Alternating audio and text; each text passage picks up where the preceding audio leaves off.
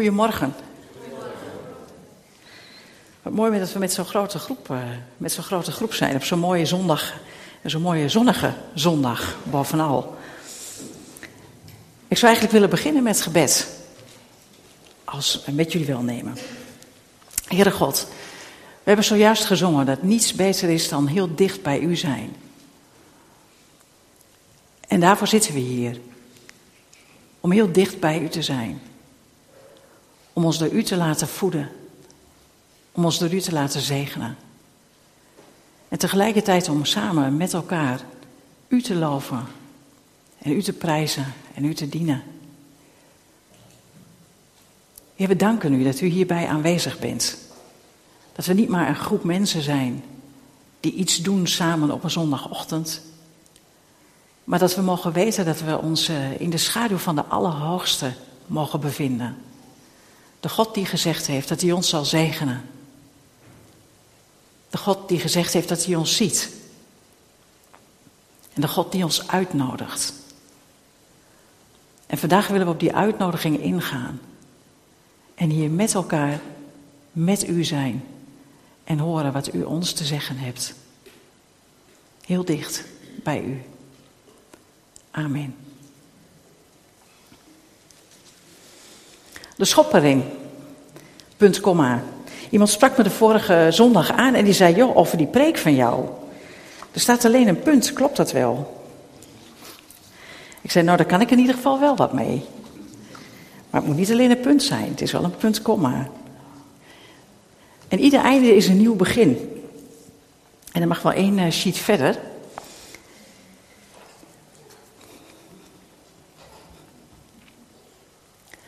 Misschien kunnen jullie nog herinneren dat ik deze even heb laten zien voor de zomervakantie. En toen heb ik verteld dat ik eigenlijk graag een prekenserie wilde geven rondom dit thema. En dat heeft ermee te maken dat uh, je hebt eigenlijk twee levenslijnen. En Harry las dat al met ons. Een behoorlijk pittige tekst was dat, hè? Eigenlijk zegt Efeze 2 niet veel meer dan: jullie hebben geleefd onder de heerschappij van Satan. Dat is wat, hè? dat is niet een boodschap waar de wereld nu op zit te wachten, maar het is wel de realiteit. En dat is eigenlijk die eerste lijn. Het leven zonder Christus is gewoon een leven, je wordt geboren en je gaat dood. Klaar. Ja, en daar zit dan, nou, wat, wat zullen we zeggen, laten we eens heel positief zijn, 100 jaar tussen. Hè? Ik denk dat dat aardig uh, aan de positieve kant is. En dat is ons leven. Hier op aarde, op deze wereld. En in dat leven kunnen we allemaal mooie, zingevende, belangrijke dingen doen. Prachtig. Maar ergens, en ik hoop dat dat bij de meesten van jullie het geval is, en zo niet, dan ligt er een uitnodiging voor jou vandaag. Ergens op die lijn gebeurt er wat. En dat is die tweede lijn. En ik heb dat maar genoemd de bekering, met een pijltje erbij.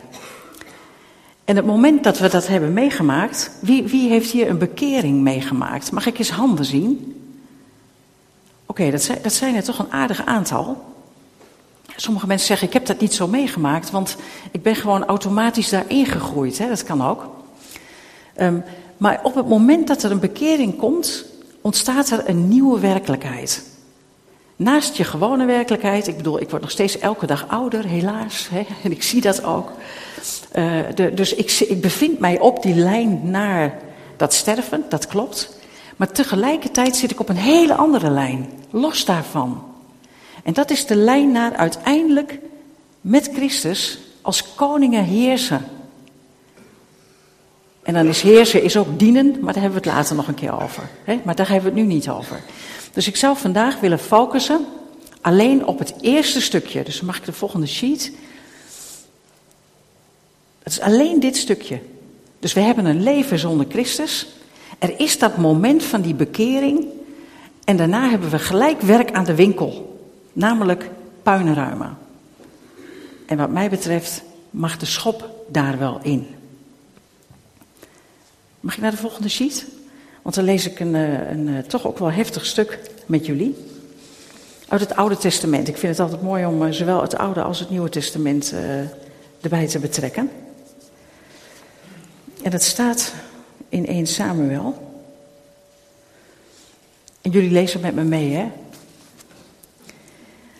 Maar Yahweh, ik uh, galm heel erg, mag hij iets minder galm erin? Maar Yahweh richtte een slachting aan onder de mannen van Bethsemes. Omdat zij naar de ark van Yahweh gekeken hadden. En hij doodde 70 man, 50 op de duizend. Het volk rouwde nu Yahweh zo'n grote slachting aanrichtte. En de mannen van Bethsebes die zeiden, maar wie kan staande blijven in de tegenwoordigheid van God, van die heilige God? Die ark, die moet bij ons vandaan. Maar naar wie? En ze zonden boden naar de inwoners van Kiriat Jarim en lieten zeggen, de Filistijnen hebben de ark teruggebracht, kom hierheen en neem maar mee. Ze wilden er echt heel graag af. En toen kwamen de mannen van Kiriat Jarim en ze haalden de ark en ze plaatsten haar in het huis van Abinadab op de heuvel. En zijn zoon Elazar, die stelde ze aan om zorg te dragen voor de ark van Yahweh. En sinds de ark in Kiriat Jarim een standplaats had gekregen, was er geruime tijd verlopen, zo'n twintig jaar. Nou, dat is best wel lang. En toen heel het huis van Israël klagend om Yahweh riep, toen sprak Samuel, de volgende sheet, en daar gaat het mij eh, in dit gedeelte om. Als u met heel uw hart tot Yahweh terugkeert, als u met de vreemde goden, de Baals en de Astarten breekt, hè, als je die wegdoet, als u op Yahweh uw hart richt en Hem alleen dient, dan zal Hij u bevrijden uit de macht van de Filistijnen. Nou, de Israëlieten deden daarop de Baals en de Astarten weg en ze dienden uitsluitend Yahweh. En toen zei Samuel, laat heel Israël te Mispa bijeenkomen, dan zal ik voor u bidden. En ze kwamen te Mispa bijeen, ze putten water, ze goten het uit voor Yahweh. En ze hielden een vastendag en ze zeiden, wij hebben tegen Yahweh gezondigd. Een paar weken geleden zaten we bij een, uh, een directeur van een zendingsorganisatie. Hij was net, uh, net directeur geworden daar. En hij vertelde heel enthousiast zijn strategie met ons, aan ons. Wat hij als strategie zag voor dat land.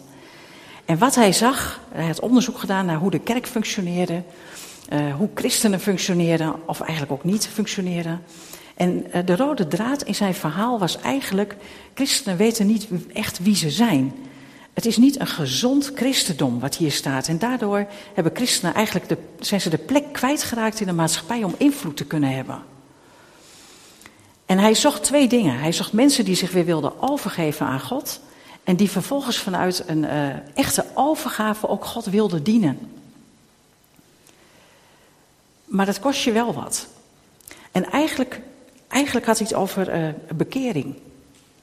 Eigenlijk had hij het over mensen die zich bewust waren van waar sta ik nou eigenlijk? Het gedeelte wat Harry las was een scherp gedeelte. Je hebt, je hebt geleefd onder de heerschappij. En eigenlijk mag ik heel even terug naar die eerste lijn nog een keer. Of die, die, met het stukje waar we het over gaan hebben. Nee, terug. Terug. Niet, niet vooruit, maar terug.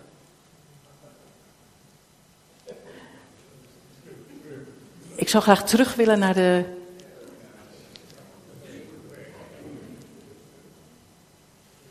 Nou, jullie zien wel in heel snel tempo zo de preek voorbij komen. Dan heb je vast een voorproefje gehad, hè? ja, en dan nog eentje verder. En dan hebben we het stukje waar we het over willen hebben.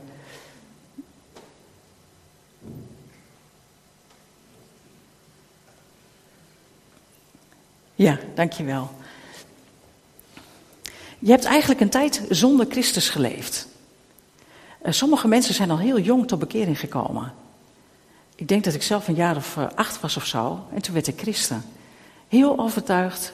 Uh, dit, dit was wat ik wilde. Ik ben het later ook heel tijd kwijt geweest. Maar ik wist wel, toen wist ik het heel zeker. Dit is wat ik graag wil. Dit is waar ik wil zijn. En sommige mensen die komen heel laat op die lijn ergens tot bekering. Het kan allemaal. Maar afhankelijk van hoe lang je op die lijn hebt gezeten en wat je daar gedaan hebt, heb je onder heerschappij van een ander koninkrijk geleefd dan het koninkrijk van God. En dat heeft zijn invloed op jou. Ik heb uh, tot mijn, uh, nou wat zal het geweest zijn, achttiende denk ik, tot mijn achttiende heb ik in, uh, in Twente gewoond. En dat heeft een invloed gehad op mij. Want als je daar opgroeit, dan doet dat wat met je taal. En als ik een beetje moe ben, dan kun je dat horen. Dan doet dat wat. Maar je hebt ook gewoon. Je hebt de gewoonte om, om te letten op je buren. Naberschap noemen we dat. En we vinden het heel normaal dat je daar ook geen geld voor vraagt. Dat doe je gewoon. Je zorgt een beetje voor elkaar. In die cultuur ben ik gevormd. Daarna ben ik naar Vlaanderen gegaan voor mijn studies. En heb ik zo'n zeven jaar in, eh, in eh, Leuven gewoond. En dan dat is een ander leven.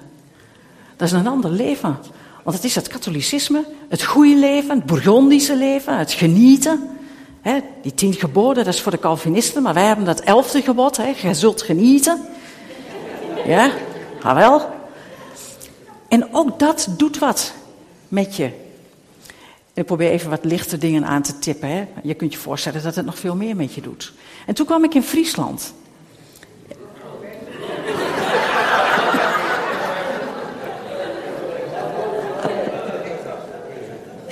Ik hoef volgens mij hier niks over uit te leggen.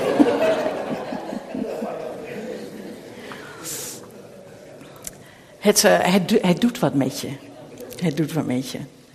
Ik weet nog dat we eh, de allereerste keer dat we hier kwamen, dat, ik, uh, dat we rondjes aan het rijden waren. Wij woonden in Leuven. En Leuven is een grote studentenstad, maar ook een prachtige stad. Met hele mooie gebouwen, een geweldige markt. Allemaal cafeetjes daar omheen om even wat te schetsen, hoef je niet je ogen voor dicht te doen. En uh, bijzonder, bijzonder gezellig en plezant en plezierig.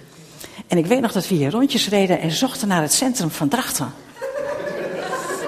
En na een aantal keren geprobeerd hebben te verstaan hoe mensen ons de weg wezen, dat de, de, de man die we daartoe vroegen, die zei, maar u, ik kan niet Fries zeggen, nog steeds niet, maar u staat op de kaden, dit is het centrum.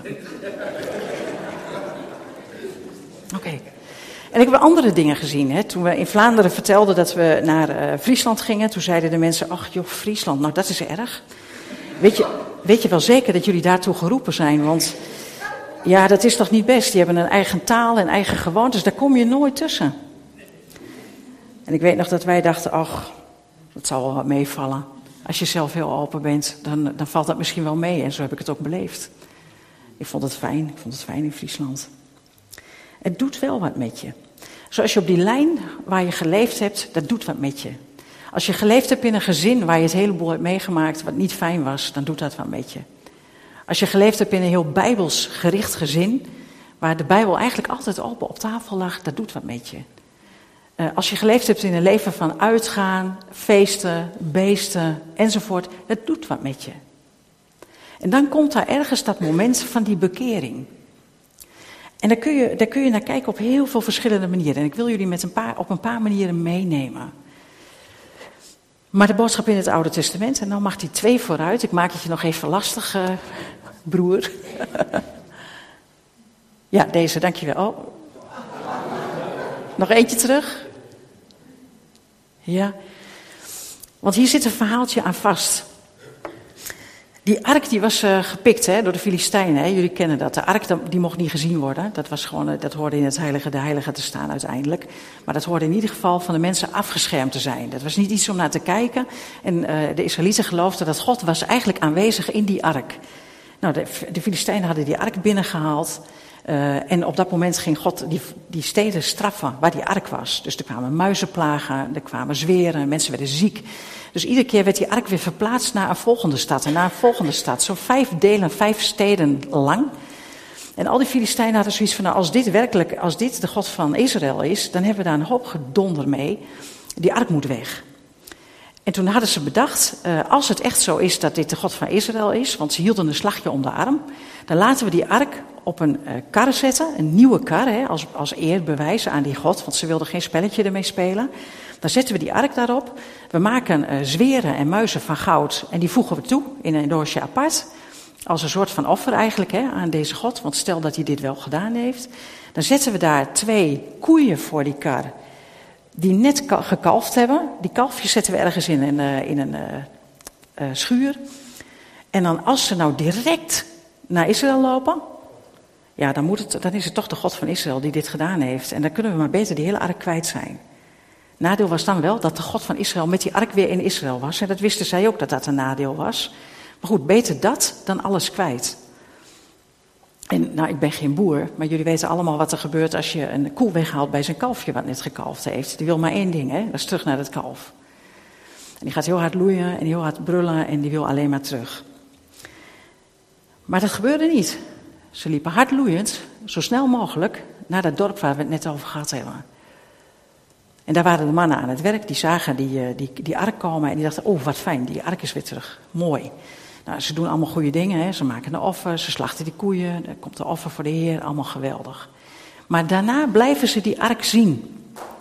Hij wordt niet beschermd, hij wordt niet weggezet, zeg maar, maar ze kijken daarnaar. En eh, sommige commentatoren denken zelfs, ze kijken erin. Dus ze raken iets aan wat van God is, wat heilig is, waar ze af moesten blijven. En God laat merken dat hij daar niet van gediend is. En daar schrikken ze van. Want ze waren zich eigenlijk niet zo bewust dat het nou zo. Dat was toch niet zo heel erg wat ze deden? Was toch niet zo heel erg? Kom nou. Maar God vond het blijkbaar wel heel erg. En dan willen ze er vanaf. Dan willen ze er vanaf. En dat lukt dan. Maar ze merken, op de een of andere manier worden we niet gezegend. Dus het is toch niet goed met die ark. En na twintig jaar zeggen ze, dat dit, nou hij moet hierop maar weg. Er moet maar wat anders gebeuren. We weten niet wat, maar er moet wat gebeuren. In die periode heeft die ark daar dus gestaan en is er twintig jaar lang eigenlijk niks mee gedaan. Maar dat volk heeft twintig jaar lang op een lijntje gezeten zonder God weer. En dan komt Samuel en die zegt eigenlijk, als je nou met je hele hart naar God terugkeert en als je de vreemde goden, de Baals en de Astartes wegdoet, als je op Yahweh je hart richt en hem alleen dient, dan zal hij je bevrijden uit de macht van de Filistijnen. Eigenlijk zegt hij, hier staat het in, de, in het Hebreeuwse tekst, bekeer je. Als je je volledig bekeert. En dan mag het volgende plaatje, dat wat, uh, is misschien een wat vervelend plaatje voor sommigen, maar trek je er niks van aan. Dit zijn een Baal en een Astarte. En Baal betekent eigenlijk niks anders dan Heer, de andere Heer. En de volgelingen van Baal waren zwaar gericht tegen de Israëlieten. En Baal komt iedere keer terug in de historie van Israël. En de volgelingen van Baal probeerden altijd, hebben altijd geprobeerd ofwel de tempel te vernietigen, ofwel de ark weg te halen, ofwel ze wilden dat gewoon weg hebben. En de God van de Joden, of van de Israëlieten en de Israëlieten zelf ook. Het was een God van vruchtbaarheid. Het was een God waar je alles van kon verwachten. als Mozes niet terugkomt, dan gaan ze aanbidden. God het kalf, nou, Baal wordt ook afgeschilderd eh, met, met horens. Dus het is echt datgene wat tegenover God staat in de Bijbel, symbool. Maar in die twintig jaar waren ze dat blijkbaar wel gaan dienen. Want dat staat er eigenlijk, hè? Jullie moeten ze wegdoen. De Baals en de Astartes. En de Astarte was een Fenicische godin. En dat werd eigenlijk gezien als de vrouwelijke tegenhanger, of het echtgenoot, of hoe je dat ook maar wil zien, eh, van Baal. Dus die hoorden bij elkaar. En ook dat was een vruchtbaarheidsgodin. En dat ging heel ver. De vruchtbaarheidsgodin die had uh, uiteindelijk tempels waar uh, de mannen uh, prettig aan tempelprostitutie konden doen in de naam van Astarte. Dat is toch prettig hè, als je dat kunt doen in de naam van je religie. en Baal was de god, wordt ook wel Moloch genoemd, waar kinderoffers aangebracht werden. Dus dit zijn twee, twee symbolen van alles wat tegenover God staat. Maar let wel, het volk was beide aan het dienen. Beide.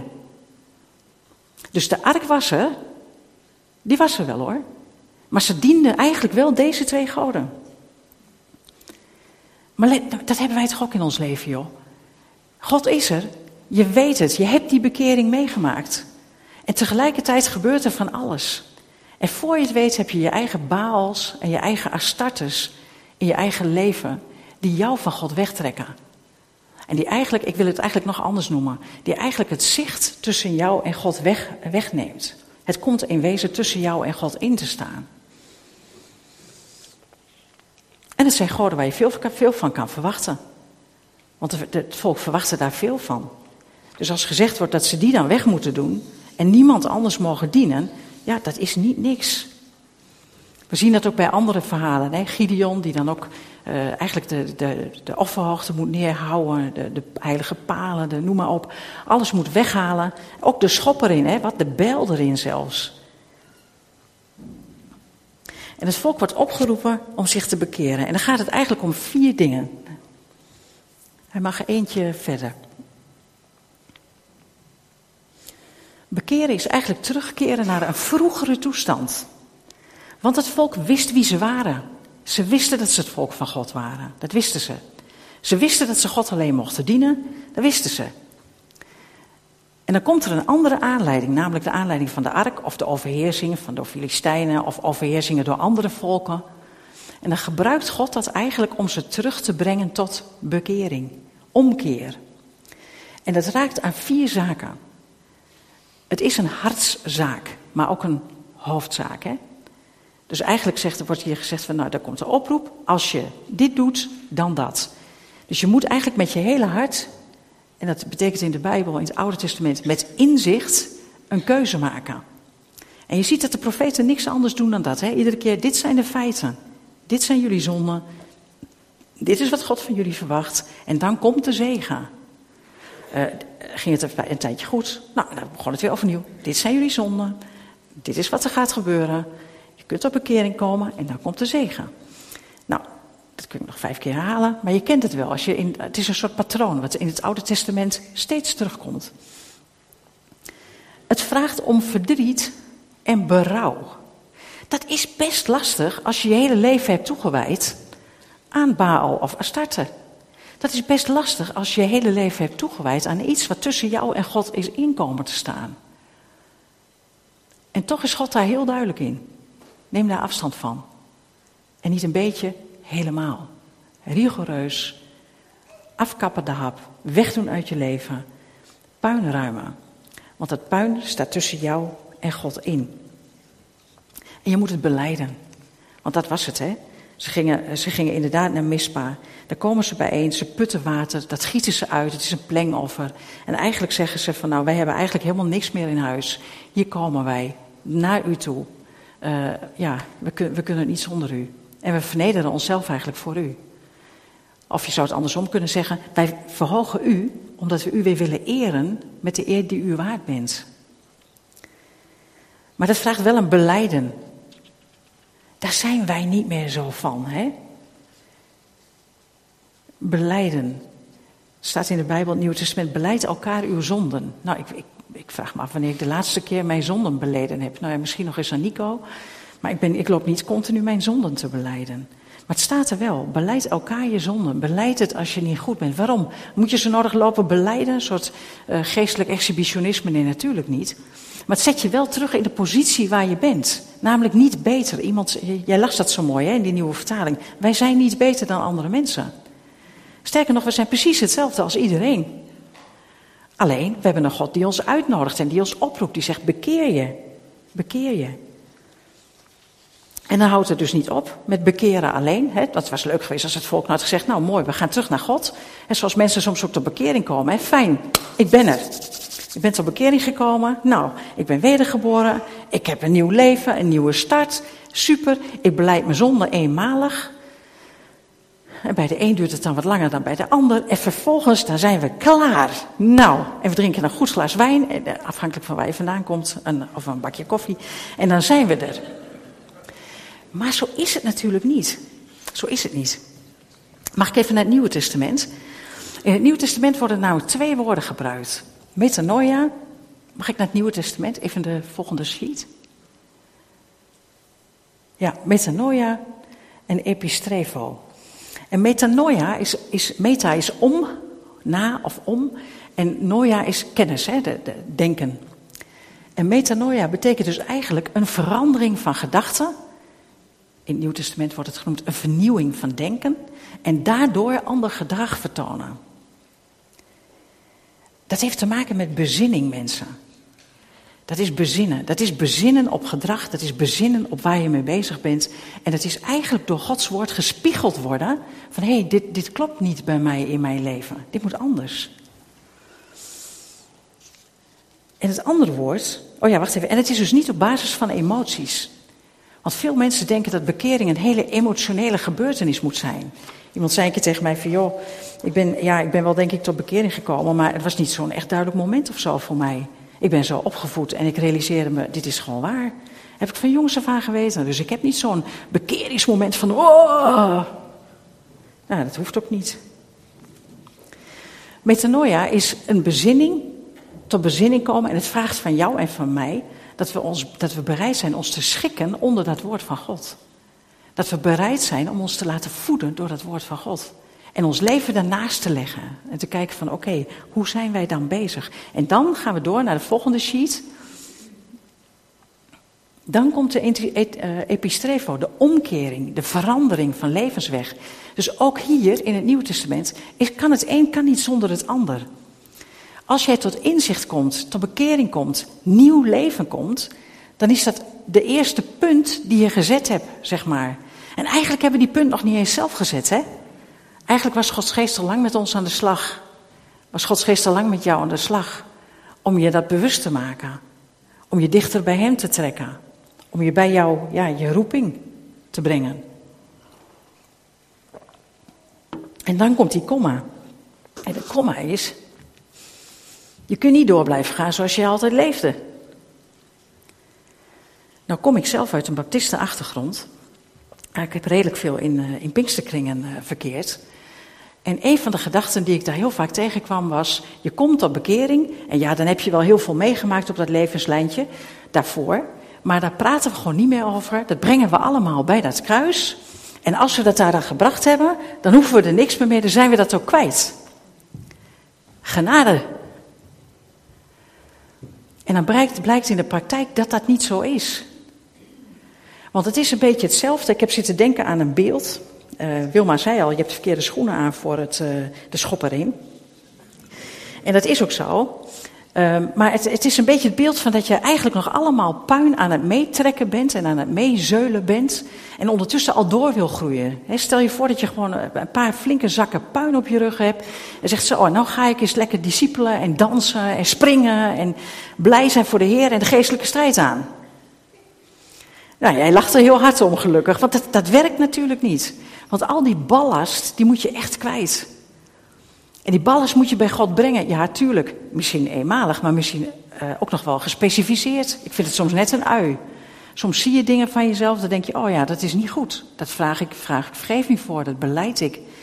Dan denk je dat het klaar is en dan ben je een paar weken verder en dan lees je nog iets en dan denk je, oeh, er zit nog een schilletje onder. Dat is eigenlijk ook niet helemaal kosher, krans.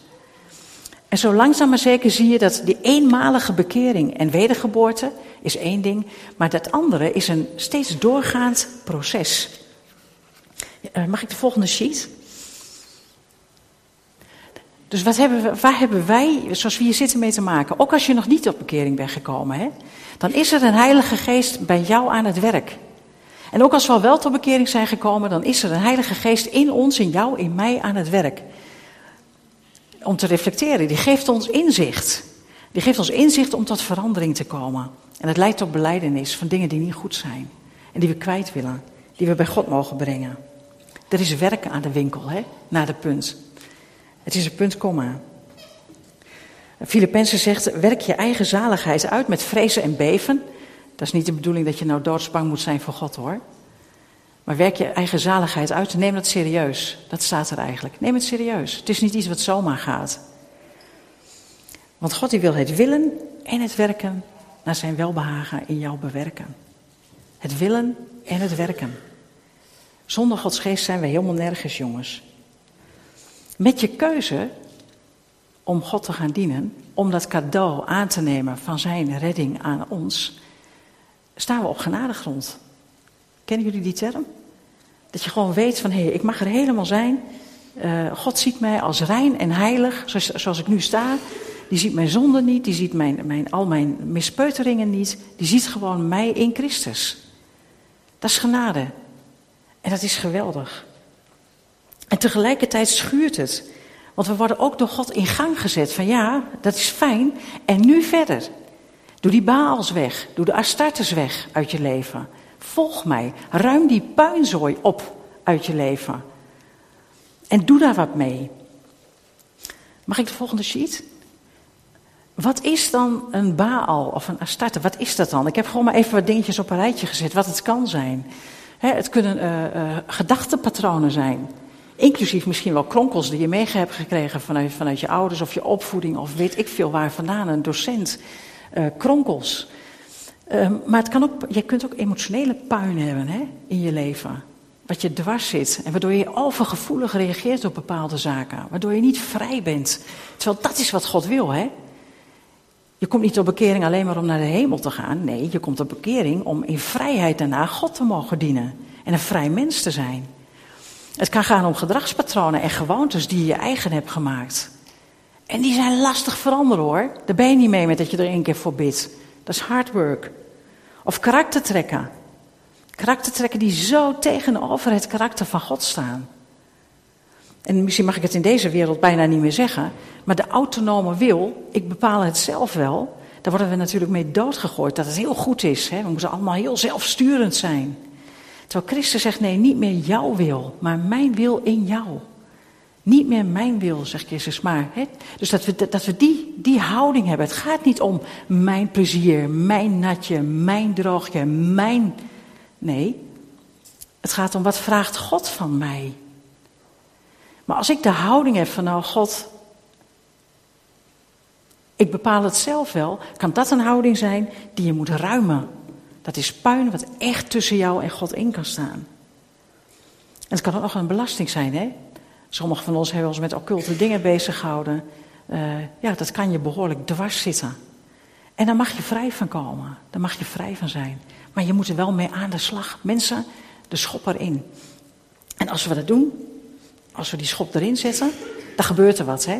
Want dan komt er vrijheid in ons leven. Dan komt er bevrijding in ons leven. En, ik noem bewust wat, wat, van dit soort verschillende dingen. Want sommige mensen denken dat het dan heel groot zijn. Maar het kan ook, een, het kan ook iets heel kleins zijn tussen aanhalingstekens. Een diep verdriet. Wat je altijd met je meegedragen hebt. Maar wat wel de echte vreugde van God bij je weghoudt. Waar Satan gewoon zo makkelijk zijn dingetje mee kan doen. Nou ja, kan er wel. Maar ik geloof dat Gods geest het wel aan jullie laat zien voor jezelf wat het is bij jouw leven.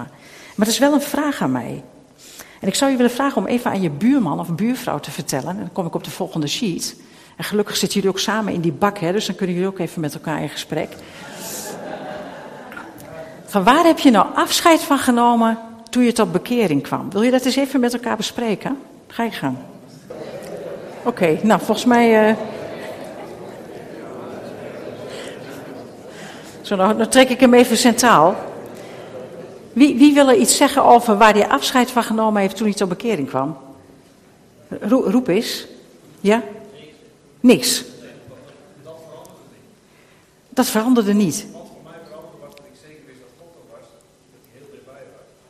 En daarna het proces op Ja. Dus op dat moment niet iets van, dat heb ik niet meer gedaan. Nee, nee. oké, goed, dankjewel. Misbruik van mensen van je Oké, ja, misbruik van wat mensen van je maken. Nog meer? Je hebt heel veel dingen moeten afleggen. Ja, ja. Je kunt niet meer één ding noemen. Oké. Nog meer mensen? Sorry? Minder wettisch denken. Ja. Ja, achterin?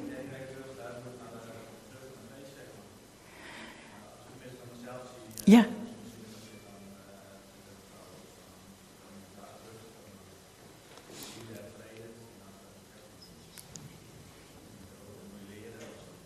Oké, dat is een hele belangrijke. Jij zegt van nou, uh, het gaat uiteindelijk ook om de vruchten van de geest. En dat moet je leren. En dat ga je merken, ook in je relatie met elkaar. De meest intieme relaties die je hebt, ga je dat merken. Ja, dat klopt. Dus je hoort wel dat we er allemaal verschillend mee omgaan. Maar hoe dan ook, jij zegt het proces is begonnen vanaf mijn bekering. Jij hebt het al over de vruchten van de geest. Dan ben je in mijn beleving zelfs al vijf stappen verder. Hè? En sommige mensen zijn zich niet eens zo heel veel bewust van puin in hun leven, want er was niet zo heel veel puin. Dat kan. Maar het proces gaat wel van start, als het goed is. En je ziet ook de volgende vraag, hè? En hoe is het er nu mee? Hoe is het er nu mee? En waarom vraag ik die vraag? Um, waar wij het over hadden, met die, ik kom even terug bij die directeur van de OM. Uh, waar wij het over hadden was dat hij zei van ja weet je, uh, soms zijn mensen zo blij met de keuze die ze gemaakt hebben. Dan komen ze daarna in de kerk en vervolgens blijven ze in dat systeem van die kerk hangen. Want ze zijn tot bekering gekomen en daar blijft het dan bij. Maar dan krijg je nooit hele gepassioneerde uh, christenen die met dat leerproces van hun leven bezig zijn. En ik denk dat dat waar is. Ik denk dat hij de, de spijker op zijn kop slaat. En ik zeg niet dat je iedere keer opnieuw tot wedergeboorte moet komen, hè, begrijp mij niet verkeerd. Maar er komen wel iedere keer, net als bij het oud-testamentische volk Israël, weer die momenten dat je merkt, oeh, nou komt er wat in mijn leven, een crisis. Hè, bijvoorbeeld, je bent opeens wethouder af, nou dat is wel een crisis. Hoe ga je daar dan mee om? En wat zoek je dan? En wie zijn wil zoek ik dan? Hè, dat, om het even persoonlijk te maken. Uh, of een andere crisis, je raakt je baan kwijt. Dat is een crisis, mensen. Dat is zo'n moment waarin je een keuze hebt. Ga je voor de Baals en de Astartes of ga je voor God? Of een crisis in de gemeente, dat er iets gebeurt wat je echt niet snapt. Wat doe je dan? Of een crisis met je studie. Nou, zo kan ik nog even doorgaan. Al die kantelpunten in ons leven, daar maken we keuzes in. En maken we dan een keuze als christen, zonder Astartes en Baals, of maken we een keuze voor de Baals en de Astartes, want het lijkt zo makkelijk. Want het was een stuk simpeler om een Baal of een Astarte te dienen, met name voor de mannen. Dat was zelfs zo aangenaam. Uh, dan om christen te worden, of gelovig te zijn. En Yahweh te dienen. Die toch de God is, die ook beroep op jou doet, die met je wil. Die wat met je wil. Nou, waarom dat puinruim? Als het niet gebeurt, dan ga ik de volgende sheet. Als je geen puin ruimt, dan zul je het mee. Je zult het mee. Uh, je zult het mee van jezelf, maar soms ook van wat anderen je hebben aangedaan. Ik ken christenen die zo fijn vinden om iets te koesteren wat een ander hun heeft aangedaan. En dat komt ook steeds terug. Nou, die en die, wat die toch wel niet Je moest eens weten, joh. En dan denk ik, nou, dit verhaal heb je vast al aan heel veel mensen verteld. En dat is ook zo. En in plaats van dat het verhaal kleiner wordt en bij God wordt gebracht. En langzaam maar zeker slijt. En Gods bloed daarover komt en er vergeving komt. Blijft het heel levend omdat mensen het koesteren. Nou, wat ze toen en toen gedaan heeft, joh. Ik zal het nooit, nooit, want het zijn christenen, hè, vergeten. Natuurlijk heb ik het vergeven, maar vergeten doe ik het nooit. En dan weet je van, hé, maar het is niet losgelaten. Het is puin, het is puin wat je mee zult. En het beïnvloedt je. Uh, je kunt jezelf niet veranderen, maar je kunt het wel overgeven aan God. En op het moment dat wij die stap doen, dan zegt God nader tot God en ik zal tot jou naderen. En dan gaat Hij ons veranderen, diep van binnenuit. Met andere woorden, mag ik naar de volgende sheet. Dat is bezinning en dat is een, uh, bekering is een bezinning en dat is eigenlijk een blijvend proces waar we allemaal in zitten als het goed is. En dan focus je niet zozeer op wat er allemaal niet goed is in je leven. Dat is mooi om dat een keer te doen. Dat is mooi om dat bij je bekering te doen. Maar vervolgens ons te focussen op wat God wel van ons vraagt. En dat staat zo mooi in Micha. Hè? Wat vraagt God van ons? Geen vroomkloterige verhaaltjes hoor. Geen offers. Geen prachtige liederen en mooie verhalen. Dat vraagt God niet van ons. God vraagt dit van ons: dat we recht doen, getrouwheid liefhebben en, uh, en, en ootmoedig wandelen voor God. Dat vraagt God van ons. En alles wat niet hier binnen past, is puin. En moeten we afscheid van nemen. Echt waar. En dan komt er weer de vrijheid. De vrijheid die, die voor ons bedoeld is. Focussen, focussen op, uh, op de goede dingen op de mooie dingen. Zometeen vieren we avondmaal. Het mooie van avondmaal vind ik eigenlijk altijd dat het een maaltijd is waar God ons toe uitnodigt, waar de Heer Jezus ons toe uitnodigt. En Jezus nodigt uit zonder onderscheid. Als we denken aan het laatste avondmaal, dan zien we dat uh, Jezus ook Judas bedient. Dus er is blijkbaar geen keuze van, nou die hoort er niet bij, want die gaat mij straks verraden. Nee, die mocht er ook bij. Hij moest wel een keuze maken. En die keuze die maakt hij ook. En zo is de avondmaal voor ons ook. Jezus nodigt ons uit. Wil je erbij zijn? Wil je met mij dat proces van metanoia, dat proces van epistrevo, van vernieuwen, van veranderen, wil je dat aangaan met mij? Wil je dat een nieuwe, mag ik het even Engels zeggen, boost geven? Ik heb er niet een mooi Fries woord voor. Want soms hebben we dat gewoon even nodig. Dat we ons weer bewust zijn van, oh ja, oh ja, zo staat het, zo staat het. En wat heerlijk dat ik tot bekering ben gekomen. En wat fantastisch dat die God wil dat wij Hem dienen. En wat mooi dat Hij met jou en met mij dat proces aangaat. En ieder op zijn eigen wijze. En dat het proces van Nico een ander proces is dan van mij. En dat het proces van Lieselot een ander proces is dan dat van mij. En dat dat goed is. Want God doet zijn ding met een ieder van ons. Maar wij staan steeds weer voor die keuze. Wat doen we? Gaan we voor onszelf? Of gaan we voor de eer van de Heer? En dat is een andere keuze. Die hebben we te maken. Dus denk niet, mijn bekering is ook zo lang geleden. Ik heb mijn keuze gemaakt, het is al klaar. want je bent het eigenlijk kwijt. Ik vind het hetzelfde als een man en een vrouw die tegen elkaar zeggen: Oh ja, we hebben één keer het jaarwoord gegeven. En daarna hebben we elkaar nooit meer gezien. Maar. Nou, dat is ook geen leuke huwelijk, denk ik. Dus we moeten ook realistisch zijn, hè? God verwacht een relatie. God is een God van een relatie. Dat is nou juist het mooie verschil tussen God en andere goden. Dus samenvattend. Heb jij, zoals je hier zit, Gods aanbod van vrijheid, van genade, heb je dat al aangepakt? En als je dat al hebt aangepakt en je weet van, oh ja, 86 jaar geleden heb ik dat al gedaan. Is er daarna nog vernieuwing gekomen? Is er daarna nog groei en ontwikkeling geweest? En heb je het puin, wat eigenlijk tussen jou en God instaat, heb je dat losgelaten? En als je net weer in een situatie hebt gezeten waar je weer puin hebt opgedaan, heb je dat dan aan God gebracht of hou je het vast omdat het ook wel lekker is? Want dan hoef je ook niet zoveel meer, want dat kan ook niet, hè? dat lukt dan ook niet. Dus ja, daar kun je dan niks aan doen immers. Vragen. Vragen voordat we het avondmaal ingaan. We gaan zo meteen bevestigen dat we die vrijheid hebben gekregen van God. Tijdens het avondmaal is hier gebruikelijk dat als je gebed wil, dan staan er mensen achter in de zaal waar je mee kunt bidden. Dus ik zou je ook willen vragen, als je bewust bent geworden van puin in je leven, uh, ga gebed aan met, met de mensen. Dat mag tijdens het avondmaal, dat mag erna, wat, uh, wat jij wil. Maar zodat we hier vanmorgen, als we de dienst uitstappen, puinvrij weggaan. En dat we de vrijheid hebben om weer vol voor God te gaan en te zeggen: Ja, hé, hey, wat heerlijk. Ik maak die keuze zoals waar ze werden opgeroepen in het Oude Testament. Weg met de Baals, weg met de Astartes. Ik ga alleen maar voor God. De God die voor mij gekozen heeft. De God die mij de vrijheid biedt. En God die met jou het proces ingaat. Laten we bidden.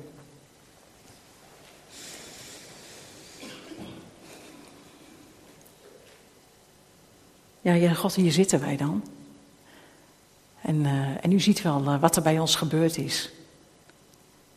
U ziet het ook als we dachten van, oh ja, die preek die ken ik al wel ongeveer. I've been there, done that. En ik wil zo vragen, Heer, of u ons uh, allemaal, mezelf in kluis, wil verfrissen, wil vernieuwen met uw geest.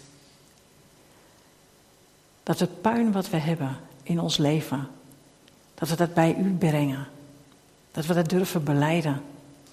Zodat we het ook kwijt zijn. Zodat het ons niet meer bepaalt. En zodat het niet meer tussen ons en u instaat. Ja, wat hebben wij dat nodig in, uh, juist in deze maatschappij, waar zoveel ons van u aftrekt, waarin we geschud worden, dat we juist in beweging komen naar u toe, in plaats van van u af. En laten we een moment van stilte nemen om eh, voor onszelf te reflecteren waar eh, onze baals en astarten zijn, die we kwijt willen voordat we het avondmaal met elkaar gaan vieren. Amen.